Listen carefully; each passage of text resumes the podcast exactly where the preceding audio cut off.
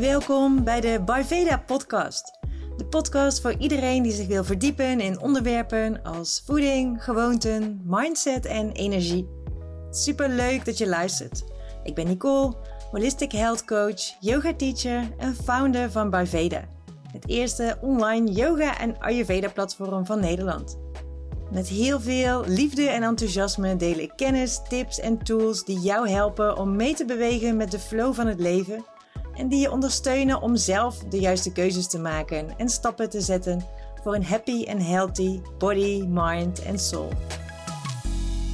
En dit is een bijzondere aflevering, want ik zit hier voor de eerste keer namelijk niet alleen. Ik heb voor deze podcastaflevering Daphne Schepens uitgenodigd. En daar ga je dus heel veel meer over te weten komen. Daphne is yoga teacher en mijn partner in crime als het gaat om het Egypte-retreat, wat we eind oktober gaan organiseren. Op haar Instagram-profiel staat: Let me be known as the woman who does whatever she wants.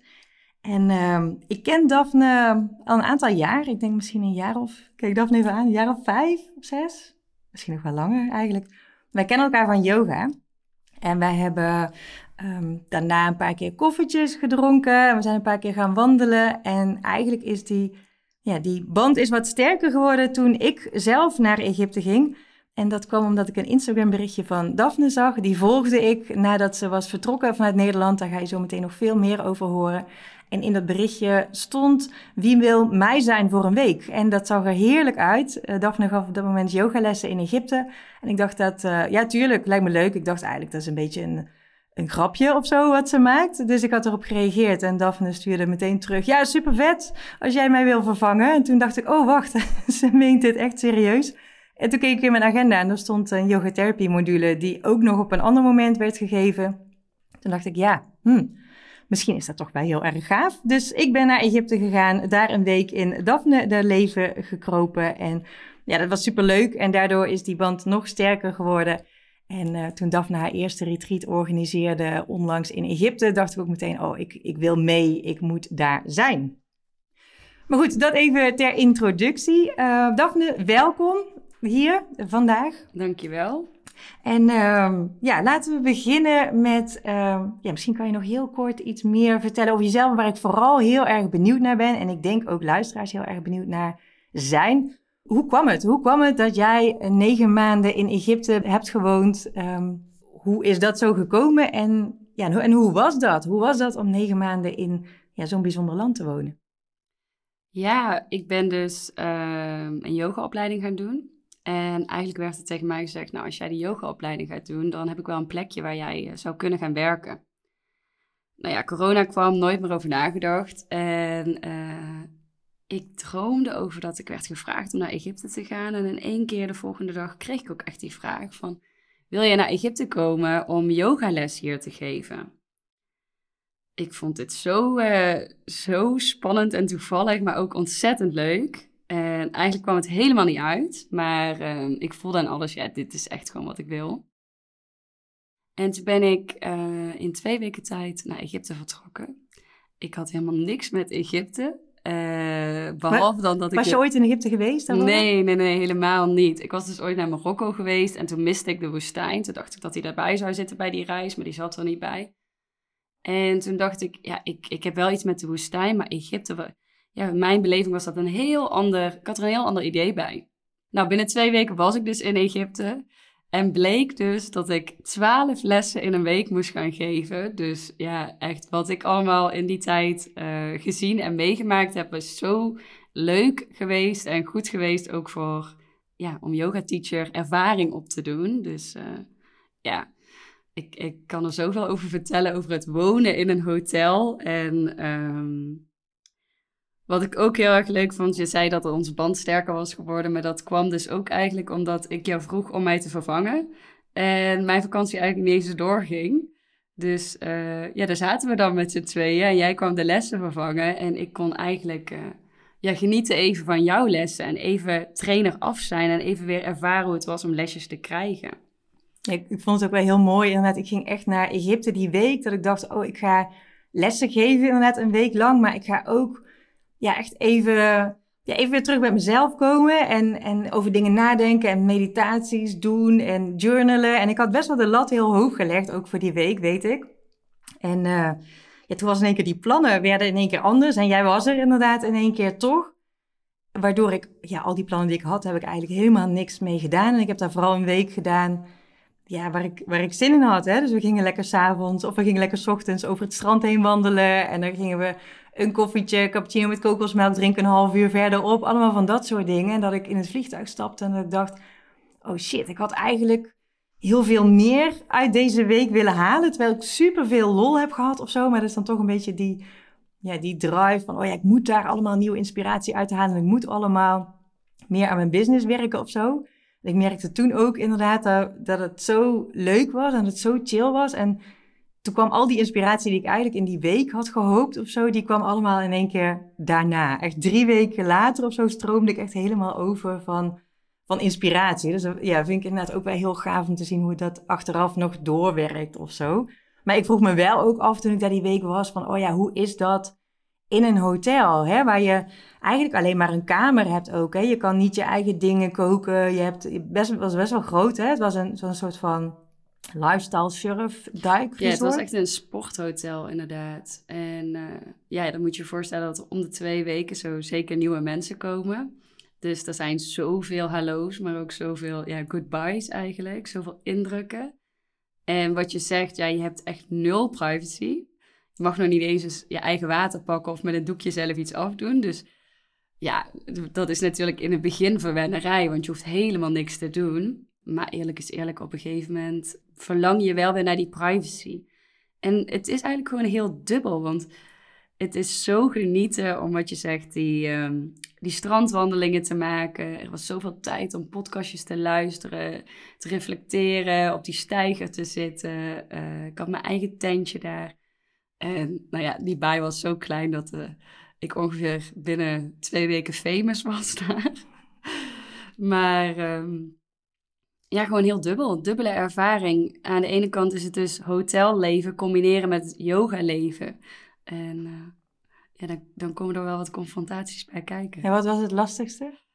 Het lastigste was dat ik uh, heel erg genoot van op tijd naar bed gaan en met de zon uh, zonsopgang wakker worden. Maar dat het hotelleven van me vroeg om eigenlijk ja, s'avonds ook wel eens aanwezig te zijn bij een feestje en drankjes uit te delen. Terwijl ik zelf ja, daar helemaal niet zo in sta.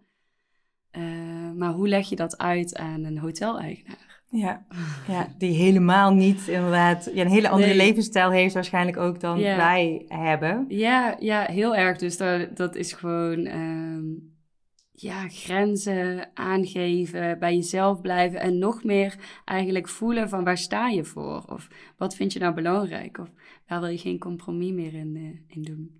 En is dat ook de reden geweest dat je, dat je uiteindelijk die switch hebt gemaakt? Dat je daar weg bent gegaan? Ja, op een gegeven moment. Um, nou ja, het is super heerlijk om die tijd te hebben en echt aan, aan het strand te wonen en wakker te worden en te lopen. Maar ja, als je ambitieus bent en allemaal ideetjes hebt, dan wil je nog meer. Dus naast die twaalf lessen wilde ik ook voor mezelf beginnen. En wilden er allemaal mensen op vakantie komen naar mij. En het werd zoveel dat ik, uh, ja, dat ik mezelf daarin tegenkwam en dacht... Oh, uh, volgens mij heb ik hier een blessure opgelopen.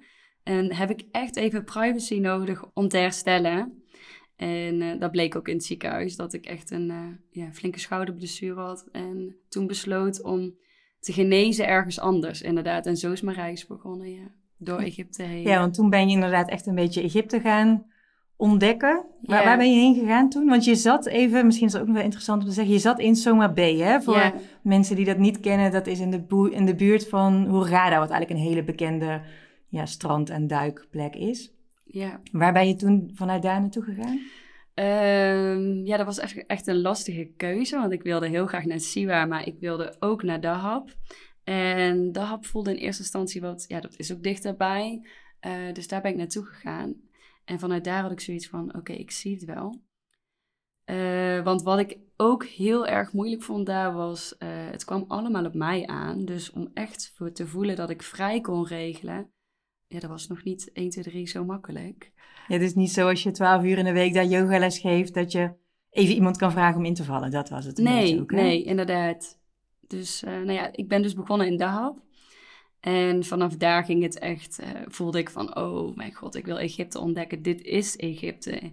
En Soma Bay is een heerlijk baaitje waar je de temperaturen en de duikomgeving en de kuitomgeving hebt. Maar uh, dat is zo toeristisch, krijg je niet echt iets van Egypte mee. Superleuk. En, uh, maar goed, meer hè? Je bent niet in de hap gebleven. Hoe lang heb je daar gezeten? Uh, twee weken. En na die twee weken kreeg ik dus eindelijk de goedkeuring om um, ja, de plannen voor te zetten zoals we hadden afgesproken. Om nog meer tijd om te reizen te krijgen en tijd voor mezelf. En uh, toen, ja, toen moest ik gewoon naar Siwa. Ik voelde gewoon, oké, ik wil naar Siwa. En het mooie was, in Dahab leerde ik al heel snel mensen kennen. En die Egyptische cultuur is echt zo warm. En ja, ik werd gewoon meteen meegenomen in vriendengroepen. Ehm, het reizen werd voor mij bijna geregeld. Ik werd ontvangen en uh, opgevangen en meegenomen. Uh, dus ik leerde Egypte eigenlijk kennen door de ogen van de locals. We horen ondertussen horen we het alarm afgaan, want het is 12 uur maandag. maar um, we, gaan gewoon, we gaan gewoon door. Ja. Um, en, ja, dat vond ik ook wel heel mooi, net wat je zegt aan de mensen. Want dat was, ik ben al, ik ben nu drie keer in Egypte geweest. En ik moet zeggen dat me eigenlijk nu pas de laatste keer zo erg opviel hoe enorm vriendelijk de mensen zijn. Hoe weinig ze soms hebben, maar hoeveel ze dan toch daarin willen delen en voor je over hebben en behulpzaam zijn. En ja, wij als Nederlanders zijn dan soms misschien een beetje achterdochtig van, oh, die wil iets van mij of die zal wel op geld uit zijn of zo. Maar dat is niet. Het is net echt hele oprechte vriendelijkheid, wat ik dus ook echt wel heel gaaf vind. Uh, heel gaaf vind in Egypte. Ja, en in Siba is het net een, heel klein uh, dorp. Uh, ja, klein dorp. Heb je enig idee hoeveel mensen er wonen?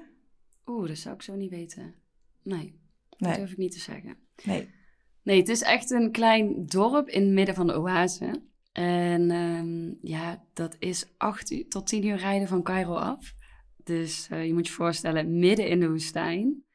De eerste keer dat ik daar kwam, werd ik dus ontvangen door, uh, zoals ze hem daar noemen, de burgemeester van Siwa. En uh, die wordt zo genoemd omdat hij echt alles in Siwa kent en ja, met liefde locals connect met toeristen eigenlijk.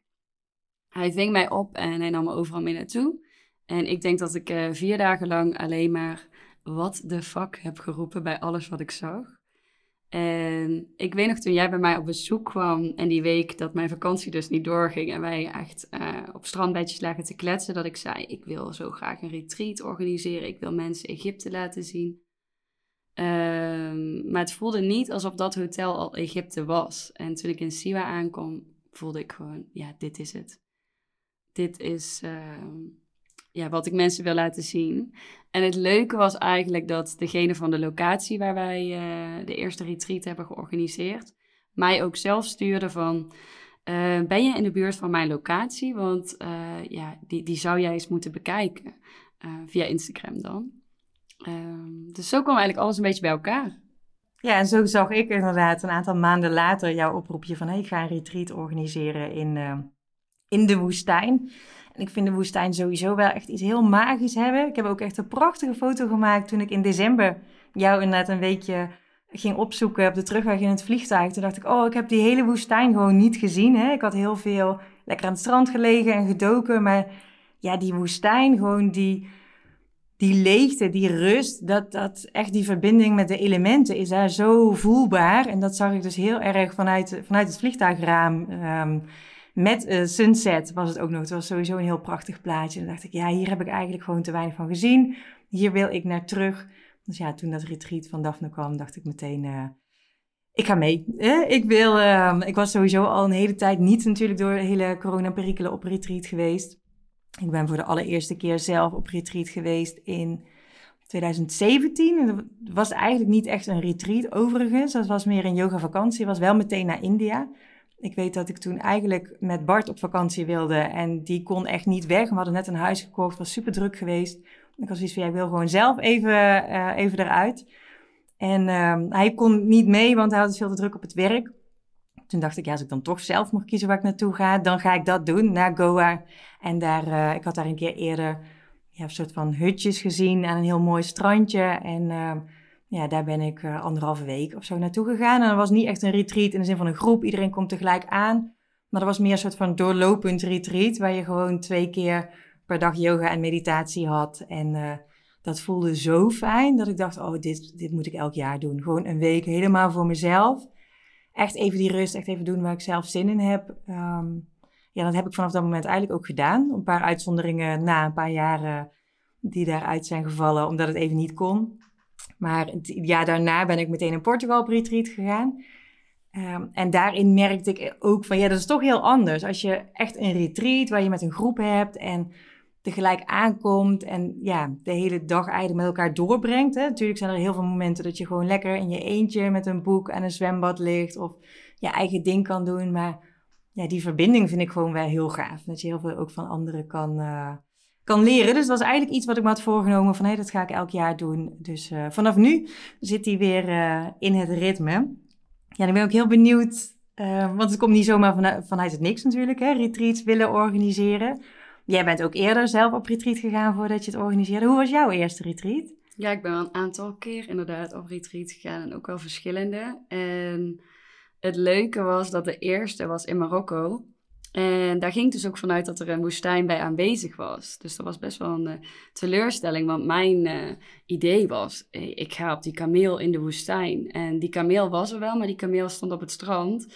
Ja, dat hele idee klopte eigenlijk niet meer voor mij. Dus op mijn eerste retreat ben ik gaan paardrijden op het strand. Als ja, het moment dat we pauze hadden. Want die retreat was box en meditatie.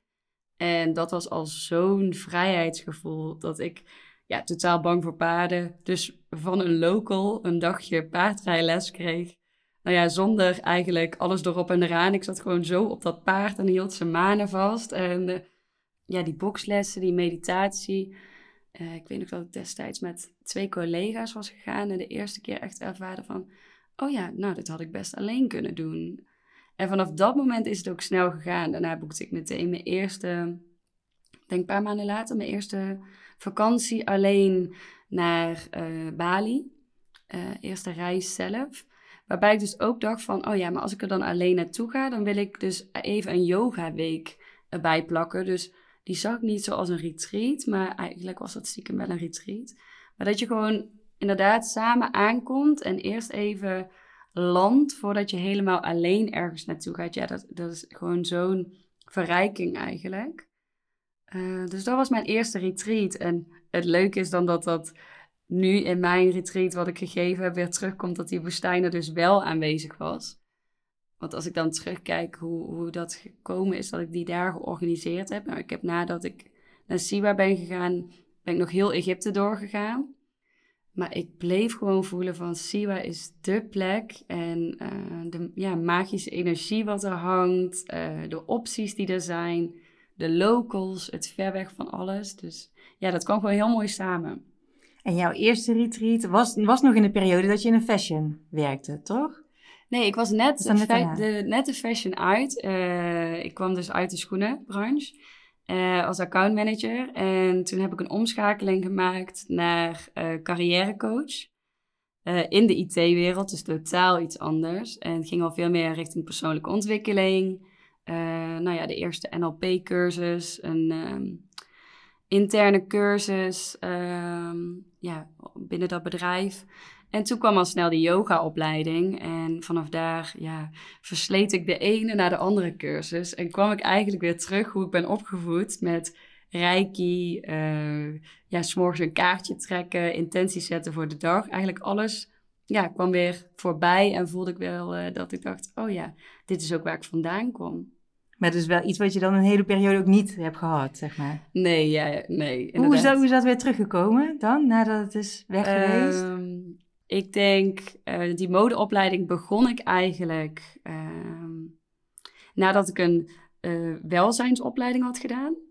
Dus dat was ook al een hele switch. En vanuit daar ben ik dus uh, accountmanager in de schoenen geweest. En heb ik ontzettend veel gereisd, maar wel vanuit het bedrijf. En dat waren niet echt reisjes waarbij je dingen van de wereld zag, maar meer heel gestructureerd en duidelijk te horen kreeg wat er van je verwacht werd echt al in detail. En op een gegeven moment ja, werd dat zoveel. En sta je zo ver van jezelf af.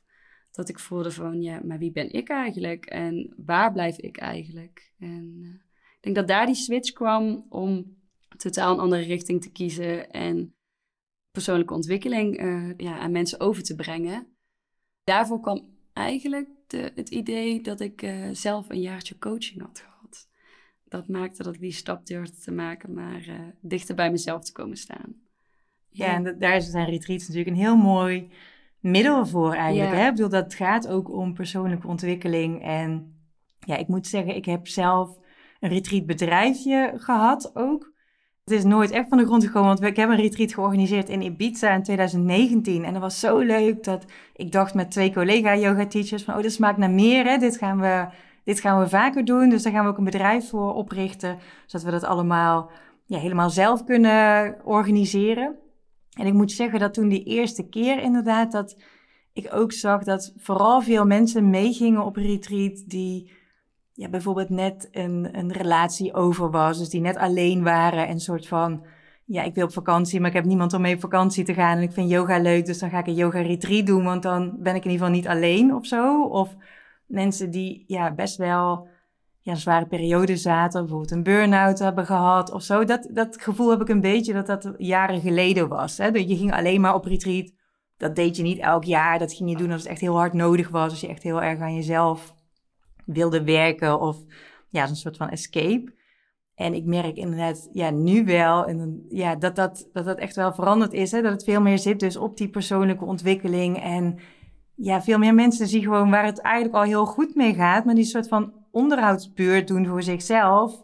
Even weer terugkomen uit die drukke wereld. Even weer inchecken bij zichzelf. Even kijken, ja, waar, ja, waar wil ik nou naartoe? Waar word ik blij van? Waar word ik gelukkig van? En ja, dat het eigenlijk steeds normaler wordt of ja. zo. Ja, zo ervaar ik het ook wel. Want de eerste keer dus dat ik op retreat ging, uh, zag ik dat inderdaad ook al terugkomen. Dat er vele, uh, ja, veel meer aan de hand was bij de meeste mensen. En die verschuiving die ik nu zie, is meer dat het eerst vooral een relatie met jezelf is. En dat het nu een relatie met het leven is. Dus dat je meer ervaringen wilt gaan opdoen, dingen wil gaan ontdekken. Um, ja, eigenlijk jezelf meer wil verwonderen.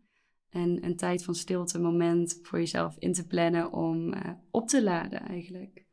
Ja. Ja, en ook om te voelen van, uh, wat zijn mijn dromen? En dan die like-minded people uh, om ja, die groep like-minded people om je heen te hebben, waarbij je eigenlijk die versterking voelt om ze nog meer na te jagen en herkenning ziet. Dat, uh, ja, ja, dat, is heel mooi. Wat, ja, dat is heel mooi wat je zegt, hè? want dat merk ik ook wel dat soms ja, mensen in door hun omgeving ook een beetje worden tegengehouden of zo in dromen en dat het ook soms moeilijk is om dingen te bespreken met mensen uit je directe omgeving. Terwijl je eigenlijk zou zeggen van ja, juist mensen die je al heel lang kent, is dat makkelijk. Maar ik merk inderdaad in, in dit soort settings en retreat settings dat het juist vaak, vaak heel snel heel diep gaat. Mensen vaak heel snel vele diepere gesprekken hebben en ook heel veel van elkaar kunnen leren inderdaad daar, daarin. En dat vind ik dus zelf net ook het gave aan die retreats, dat het soms echt life-changing kan zijn. Hè? Dat er echt zo'n inzicht komt of dat ja, in één keer mensen veel meer vrouwen, vooral er zijn meer vrouwen op retreats dan, dan mannen, veel krachtiger naar buiten gaan, zeg maar, bij wijze van spreken, dan dat ze binnenkomen. Echt gewoon fysiek zie je het ook, hè? Dat veel meer dat hart naar voren, inderdaad, ja, een beetje uit, uit hun schulp ook. En ja, net even het lef hebben om juist die dromen na te gaan jagen. Ja, daarom is voor mij de locatie ook zo belangrijk. Omdat als ik terugkijk naar die week uh, in de woestijn dus, nou, daar is bijna geen netwerk aanwezig. Dus uh, wat er gezegd werd van die vrouwen was ja, die verbinding met elkaar, dat die zo sterk was.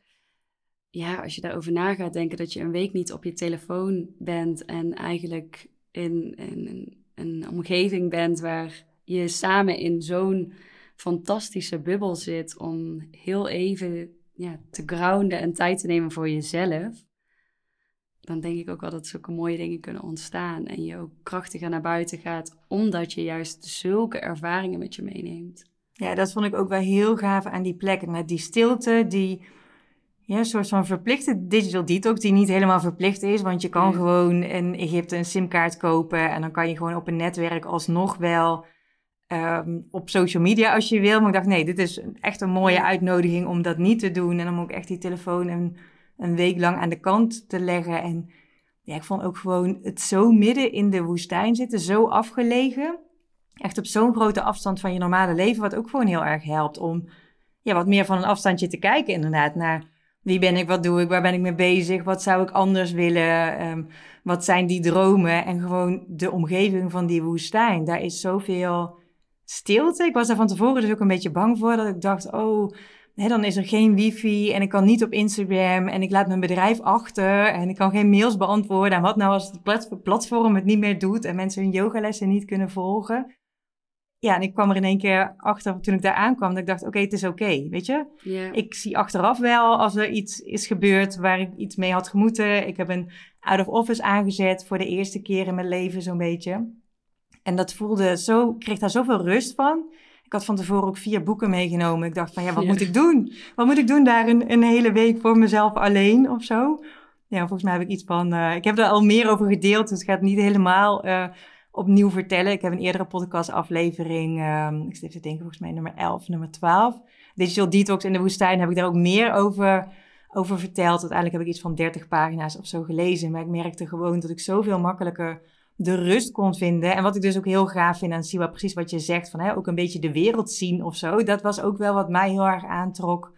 Dat je dus ook zo enorm gave dingen gaat zien. Hè? Van ja, hele oude opgravingen zijn het, geloof ik, hè? In, ja. uh, in Siwa ook, tot hè, het Zoutmeer, waarin je kan blijven drijven. Zo heel prachtig, blauw, Instagrammable. Ja. Um, met nog meer, nog meer zoutgehalte dan de Dode Zee. Waar de Dode Zee is natuurlijk ook fantastisch, maar hier is niemand. En dat, dat maakt het nog extra bijzonder. Ja, en dat die uh, woestijn dus voorheen gewoon een oceaan is geweest. Dat daar dus water is geweest. Ja, ja ik vind het gewoon. Uh, ik weet dat ik daar uh, iemand ontmoette die uh, met energie werkt. En dat hij zei van uh, ja, jij bent eigenlijk gewoon hier naartoe gestuurd. En eh, je lichaam weet waar je heen moet als er wat minder ruis op de lijn zit. En dat voel ik daar gewoon zo sterk. Dat, ja, dat Siwa zo opcoming is en dat er zoveel moois gebeurt eigenlijk. Maar dat het ook nog zo ja, zo'n hidden gem is. Ja, ja precies dat. Precies dat. Ja, en ik was, volgens mij was het een van de laatste dagen dat we ochtends inderdaad een yogales deden. Dat jij een yogales gaf in de woestijn en dat ik in Shavasana lag.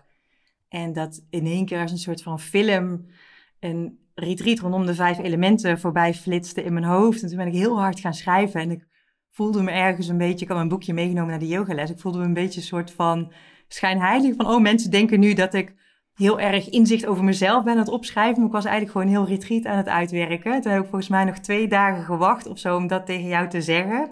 Ja, ik kan me herinneren dat je aan het schrijven was, ja, maar je hebt niks gezegd, nee. Nee, ik was schrijven, schrijven, schrijven. En ik dacht, ja, weet je, dit is zo, hier voel je zo die elementen. Hoe gaaf is het om hier gewoon die vibe, hè? Die deelde er laatst ook een Instagram post over. Ik weet niet meer de letterlijke tekst, maar het ging iets in de trant van um, you cannot raise your vibe in a hmm. low, vibrant place. Zoiets. Ja, ja, ja, ja.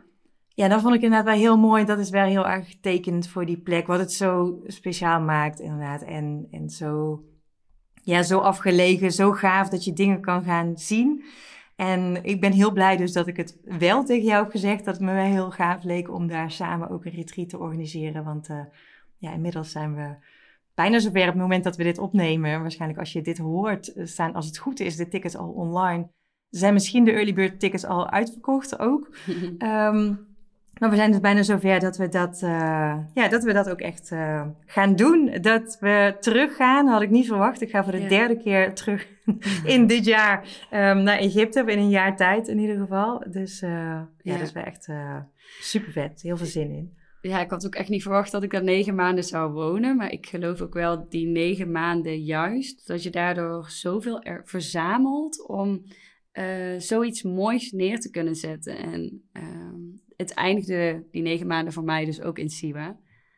En om dat te kunnen delen, ja, dat, dat is zoiets magisch geweest. En om dat nu nog een keer te doen nadat je zo'n eerste ervaring hebt gehad, ja, dat is eigenlijk wel... Uh, ja, droom die uitkomt. Ja, ja, negen maanden vind ik ook heel mooi dat je dat zegt. Negen maanden is de tijd waarin een baby wordt geboren. En ja, ja is ook eigenlijk hè, na, ja, alles aan het rollen gegaan. En ja, nu ook in één keer jouw business geboren. En ja. dat ja, wordt ook lekker, lekker professioneel aangepakt. Dus, ja, uh... ja, ja, want de eerste keer toen ik het heb gedaan was het idee eigenlijk... oh ja, weet je, ik wil dit heel graag delen en uh, leuk. En mensen zeggen al jaren tegen mij... nou, met jouw gereis zou je niet eens wat organiseren... dat er mensen mee kunnen reizen. En nu negen maanden, ja, inderdaad een babytje geboren. Dat zei ze ook heel mooi in um, Egypte zelf. Daar hechten ze heel veel waarde aan je naam. En toen zeiden ze van, ja, jouw naam betekent eigenlijk um, opgegraven onder de grond. En toen dacht ik, begraven onder de grond, dat vind ik eigenlijk helemaal niet leuk. Uh, en de weg naar Siwa is eigenlijk de weg des doods.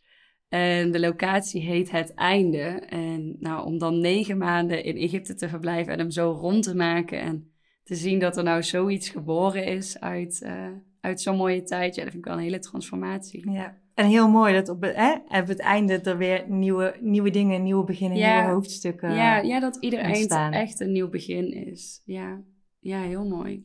Nog een allerlaatste vraag ter afsluiten. Mm -hmm. er zijn heel veel mensen, ik merk inderdaad, heel veel mensen vinden het super interessant ook, zo'n retreat. En, maar heel veel mensen vinden het ook heel spannend. Um, dus ik vraag me vooral af inderdaad van, hè, wat zou jij die mensen willen meegeven? Van, hè, waarom zou je op want we zien ook, hè, we hebben allebei heel veel retreats gezien, we hebben retreats georganiseerd, dat die spanning heel snel weg is en mensen uiteindelijk super dankbaar zijn, soms echt helemaal in tranen uh, aan het einde, zo dankbaar dat ze zijn meegegaan. Wat zou je mensen mee willen geven die twijfelen of een retreat iets voor hun is, wat, wat het kan brengen? Ja, ik denk dat die twijfel sowieso gewoon goed is. Want als je die twijfel voelt, dan weet je dus eigenlijk dat je iets wil. En die spanning zegt dus eigenlijk dat je daar moet wezen. Maar vaak de grootste spanning is, ga je ergens alleen op af, waar je niet weet waar mensen zijn, uh, of welke mensen er zijn. Um, ja, vaak is het ook een, uh, een reis alleen die je uh, aflegt. Maar ik denk juist dat daar de waarde in zit om, om echt even voor jezelf te kiezen. En als je die twijfel voelt, dan ehm, ja, het is vaak ook goed om in te checken met welke personen reis je dus mee. Wie organiseren die retreats? En als je daar een goed gevoel bij hebt, de mensen die het organiseren zorgen juist wel voor dat er een mooie dynamiek is tussen welke mensen aanwezig zullen zijn, ja of nee. Ja, en dat ja, die dynamiek ontstaat vanzelf eigenlijk altijd wel. En het is ook mooi wat je zegt van, hé, hey, heel veel mensen vinden het heel spannend om alleen te gaan, terwijl je dan juist het meeste uit een retreat haalt. Het kan heel gezellig zijn om een vriendin of een zus of een moeder mee te nemen. Maar om ja, helemaal alleen op een nieuwe plek te zijn en echt je eigen ding te kunnen doen. En ja, een soort van nieuwe mensen te ontmoeten die helemaal nog geen oordeel over jou hebben, die helemaal jouw verleden niet kennen of zo. Dat, dat is ook echt wel heel mooi. Ik merk ook dat de meeste mensen, ik denk echt wel 90% of zo van de mensen gaat alleen ook naar retreats. Het is meer een uitzondering dat mensen samen gaan dan, uh, dan alleen. En ja, dat vraagt gewoon samen gaan, vraagt gewoon iets meer. Dan is het iets moeilijker nog om je, om je eigen ding te doen. Dat kan natuurlijk ook prima, maar ja, ik denk, ik denk dat. Ik heb nog nooit gehoord dat iemand spijt heeft gehad van een retreat. Zullen vast ook wel mensen zijn die blind voor een retreat hebben gekozen, wat dan toch tegenvalt. Of heel erg misschien ziek zijn geworden of zoiets. Maar ja, ja ik hoorde altijd zoveel enthousiaste verhalen over. Ja, en ik denk ook dat mocht je, mocht je nu denken van... hé, hey, het lijkt me ook superleuk om op een retreat te gaan... en ik weet gewoon niet zo goed wat past bij mij... of wat voor plek ik uh, gaaf zou vinden ja, stuur ons gewoon een berichtje. Ik ga in ieder geval ook de gegevens van Daphne hier even inzetten. Haar Instagram profiel daar ook even inzetten. En ja, heb je twijfels?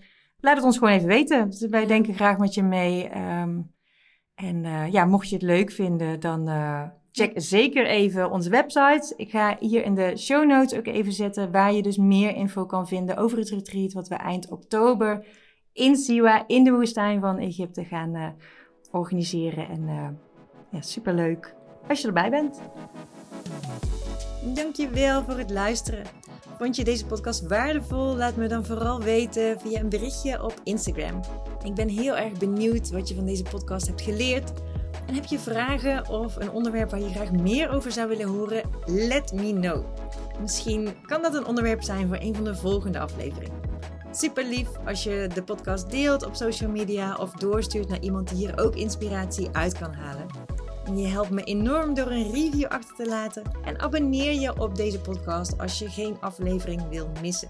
Een hele fijne dag nog en heel graag tot een volgende aflevering.